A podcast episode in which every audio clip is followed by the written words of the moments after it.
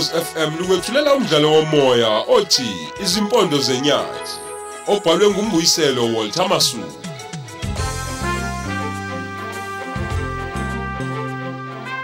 Lesi isiqebu sethu samashumi amathathu nanhlanu.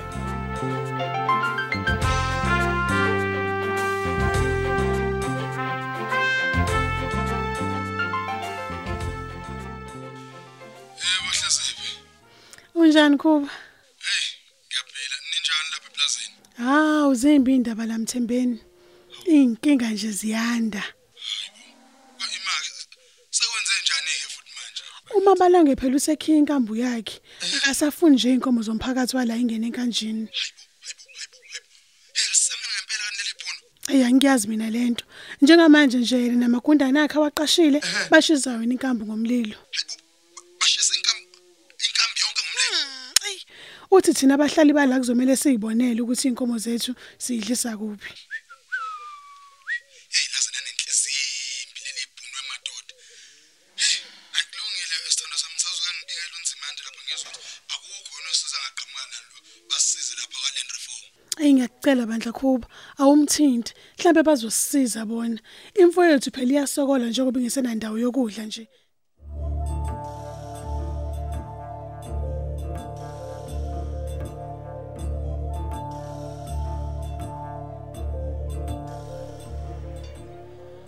Hey, wethemba lami. baba Uyazi ukuthi hey ngeqile emsebenzini ngithi angizobheka ukuthi kwenzakalani ngenkomo. njengoba ubona ke nje baba inkomo zidla la phambi komuzi ke namhlanje asazi ke thina ukuthi senze njani baba wasinamumva lo ubuye nazo ngoba ethi kukhiyiwe phela enkambini Hey, Hhayi. uyazi ukuthi umlungu wami uke wayisho lento ukuthi inkambu ivale ithanqa namhlanje. Kuyimanje nje bayithungela ngomlilo yonke. Uthi ke ufuna ukuthi eh kumile utshalo obusha. imhlola we baba uthi ke inkomo zethu zidlephi namhlanje Hey, akanenda okusempeleni asinendaba nalokho thina. Uthi labasebenzi abasahlali eplazini lakhe ababayibonele ukuthi inkomo zabo nazo zizodlaphi. A- angithi ulwa lempi baba yokuthi bavikelwe enkantolo ukubaxosha kwakhe la eplazini anginjalo Ngithi uyamazi umlungu wami? Senze njani ke thina mthiyani nezethu inkomo baba zimdibi nalezi Hey, eyivalele lalela la wena. Usina kahambe nazo leyo nkomo ayilusele lapha empofana emfuleni. Ayikho into esingayenza la ha baba lalela Ayikho. usinamumva eyokwelusa inkomo baba ngeke uze ukubone nezimbuzi lezi ezihlupha kangaka Hey, wemazwane lalela. Ang- Angithi uyasibona isimo ukuthi sinjani. Kwenziwe njani ke manje? Cha, ngithi kwenziwe njani? baba lalela la mina ke nje mthiyani angeke ngikwazi nje ngizigulela kanje ukuthi nginakane nalezi imbuzi nezinkomo ey ey lezi ehalayo baba futhi. Mazwane. hawu ngeke Mazwane tshela mina ngoba mina ngiyasebenza ke le eplazini lami uthi ngenze njani mina? Ah, imhlola yami Uthi ngiyehlela. angenze njani? nami kangazi ke mthiyani bona nawe njengendoda ngikhathele mina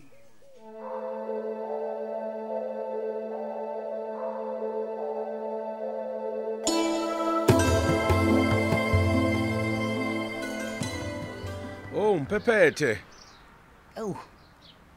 Kunjani wemnumzana uDlamini? Hayi ngiyaphila. Hey, sesilungisela ukuye eBackville phela siyozama ukubuyisa umhlaba wakhona. U kade ngithola ucingo lana oluphuma le ebaqhubiseni Oh. eplazini lakwaFodoka. Ehhe, bathini lapha mphephethe? Awu. Leliyabhuna abalibiza ngomabalengwe. Bathi selivele lakhiya inkambu yenkomo. Okudla kulo ke inkomo zabahlali.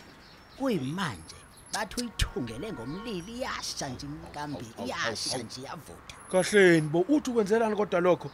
kuthiwa uthi inkambi yakhe phela lena wayeyenzela abahlali ngoba nakho babesebenza kuyo Hayi mhlola. bo. ukuthi ke imfuyo yabo igadwe inkambi manje ngoba abasebenzi bengasasebenzi kuye uzoyithatha ke inkambi yakhe bona sebeyobona ukuthi inkomo zabo bazibhekisa ku Oh, usenza kanjalo ke manje. Hey. Uyabona ke mphephethe useyinyathele emsileni ke manje nyoka. Ey, Lokho akwenzayo lomlungu, yazi usaqhuba khona njalo ukuphula uEsther Act number 62 of 1997. udelela kabi lo Uma ephuca abahlali inkambe inkomo zabo. Ey, manje mfoka Dlamini kuzokwenziwa njani makunjena Hayi kulula nje lokho. Sizobuyela enkantolo futhi. Siyomphoqa ukuthi akavule inkambe yenkomo seyivalile. ngoba abahlali baseplazini lakhe phela abanayo enye indawo eh, abazodlisa kuzo inkomo zabo bathi mfowethu kuyimanje uyithungele ngomlilo Abi. iyasha mfowethu hey uyabona ke njengoba seyithungele ngomlilo nje inkantolo izomphoqa ukuba inkomo zomphakathi ziyodle e kweyakhe inkambi. Kunjalo? Awu awu awu ayi. Ngenkani. U- usungiphendulile awangelapha sibalikhulu. Awangelapha uyabona ke ngizoqala eBackville uma siqeda lezi ayingxoxe siya kuzona sizobe ke sedlulela eFryhead futhi. So lala khona. Awu kwangcono mfowethu. Ubona nje nathi eh sihlela usuku lokuthi siyohlangana khona kwa CCMA nalo belulelibo awuzweke. Mayelana nokuxosha abasebenzi ke ngenxa yokuthi bajoyine inhlangano le yethu. Hayi asilithelekele. Ah, ah, ah, ayikhale phezukwakhe impela.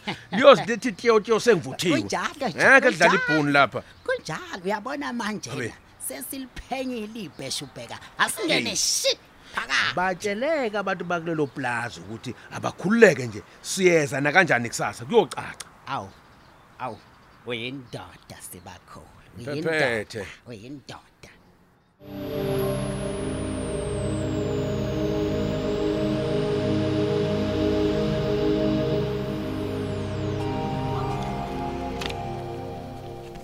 Ake ngibone le fax efikayo ukuthi ithini.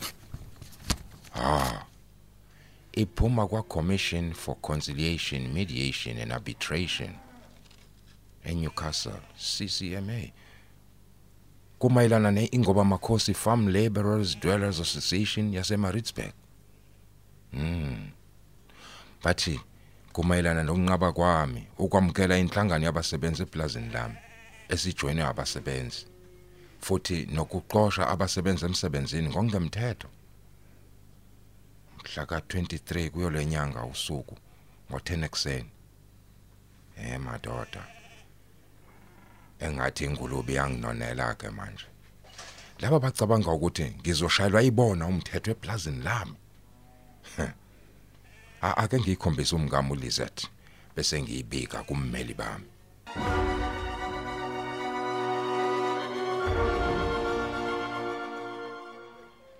Lezi mfene zicabanga ukuthi ziyinje ngempela Stoffel. zifuna ukungishayela umthetho eplazini lami. Yazi ziyakhohlwa ukuthi iplaza is a private property. Akekho umuntu ongangishayela umthetho kulona Lizette. Laba bantu bahlula ukudala amathuba emsebenzi bahlala bethembisa abantu ukuthi bazobavulela wona kodwa bazokhathaza thina futhi. ungakhathazeki kakhulu mngami. Ungakhathazeki don't worry. Lapha eSouth Africa sinezinkantolo ezingacheme namuntu. Zimela iqiniso they're not biased. Ngizokhuluma nabameli bami ya ukuthi sithi ukuyibheka lento ukuthi siyoyilwa enkantolo nabo Kunjalo Stoffel. Izinkantolo aziyikhulumi nje into engumbhedo ngoba lena bayakubhedela ngempela ungalilingi uyivume lento. ya khona ngizoya kuyo lo CCMA wakhona ngiyozwa ukuthi bangibizelani ngizocela ummeli wami uKosi sihambe naye siye eNewcastle Mhm. Yazi banesikhathi sokudlala laba bantu. Thina sisebenza eplazini lapha. Hayi. njengoba esilwisa nje thina abalimi bamaplaza lokhu kudla esikulimayo. Ilokhu kudla abakudlayo. Bathi bazokuthatha phi? Futhi benjalo nje bayakhohle ukuthi amaplaza amaningi. Uhulumeni uwathengile kwaba wakhe and ayabehlula ukubasebenza ukuwasebenzisa. Bangamavila kabi laba bantu. ngamavela voco. Ingabe kungcono ukuthi lokhu kukhuthala kwabo bakusebenzisa ukuvuselela lamaplazi laba abahlulile? Sinelungelo Stoffel lokubaxosha labantu nxa bebengasihloniphi emsebenzini wethu. Beqashwe yithina? Sizobaxosha. that's reg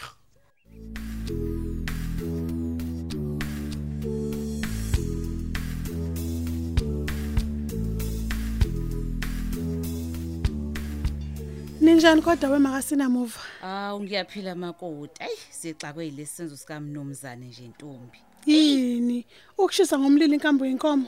Yebo, ayilento ayenza isihluku. Hayi, Hayi, ngeke. kungcono kwenu ngoba ukhiya inkambo nje kuphela. Mina wazithatha zonke inkomo zami ngoba nakuzange nenkanjini yakhe. Emva kwalokho wangifuna enkulu imali le engahluleka kuyikhokha. Wazidla kanjalo ke inkomo zami. Ngiyambona ukuthi akalungile. Kodwa kumyeni wami Ntombi, hayi umkhonze kabi lo mlungu wakhe. Akafuni nje kukhulunywe kabi ngaye. Angithi phela wamnikeza isikhundla sokuthi abe induna yala eplazini. Yingakho nje imthanda kangaka. Kodwa kulokho ke ntombi, hayi ngimbone eshintsha nje ebusweni ukuthi hayi imcasule ngempela ke le. Yokukha kwenkambi yeinkomo. Uma kunjalo indaba engakhulumi naye umabalengwe njengenduna yakhona phela leplazini. Akhulumela abantu baseplazini ukuthi abangakhiyi inkambu ngoba kuhlukumeza inkomo lokho. Oh, umusho njalo ke angeke ayilokotheke leyo ke. Njengoba umlungu eseyikhile nje wayithungela ngomlilo, hawu sekuphelile ke ntombi. Angeke ke nje umuze esho lutho eli. Hayi mina into yami yenu wakho nje ngibona ukuthi uyajabulela ukuletha into ezocindezela umuntu omnyama ethi Oh. ngomabalengwe. Hayi ngalapho kangazi ka usungakubuze yena ke. U- Kunjalo vele uyena uhamba phambili nje ukulekelela umabalengwe umecindezela umuntu omnyama. Oh lalela ke ntombi yabo ke lokho ke mntanami okusho phambi kwakhe ungakutsheli mina. Awusho nje wema. Ziphi inkomo zenu?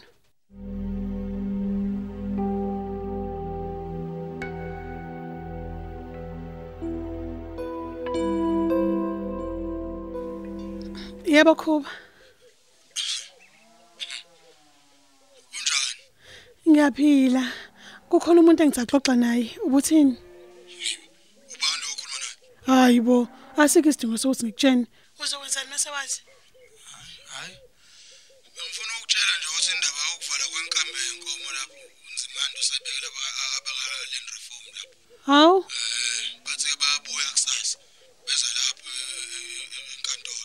mm, Eh, bazobhoqa umabalengwe ngencwadi enkantolo ukuthi avule inkambe yenkomo. Manje bazolisa enkantolo. Yebo bathi ey akwenzile. Hayi. Kusenye nje indlela yokuhlukumeza abahlali basemaplazini. Nxa ekhinye ekhiya inkambe yenkomo lapha eh, la esidla khona. Ayabayilwe ngempela bakithi ukuze inkomo zibuyele enkanjini noma siyayingqonqise ngomlilo ke nje inkamu. Hayi bathi inkantolo ke iyona esiyodecide ukuthi kwenzakalani. Hayi, mina nje ngiyabonga kakhulu ukuthi ungazisi. Ey, baphume nazo ngaphandle kweplaza. Bawuzilusa ngasemfuleni impofana. Mhm. Namanje amanzi njalo awakavulwa. Lutho. Sisakha khona emfuleni uthalo.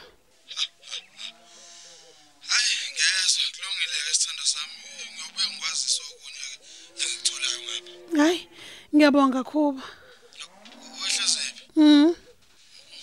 Sangithanda nje kodwa.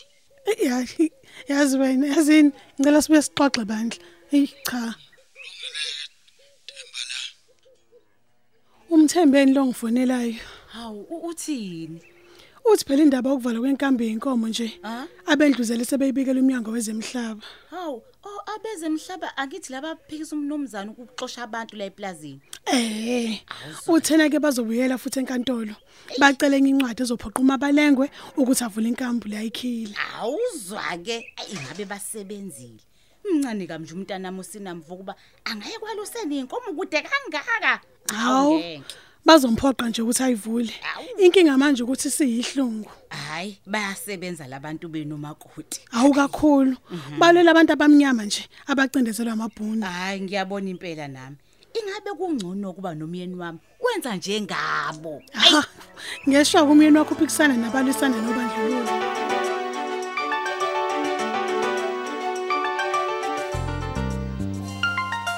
Siubeka lapho umdlalo wethu osihloko sithi izimpondo zenyati. Qinisekisa ungaphuthelwa isiqephu esilandelayo ukhozi FM.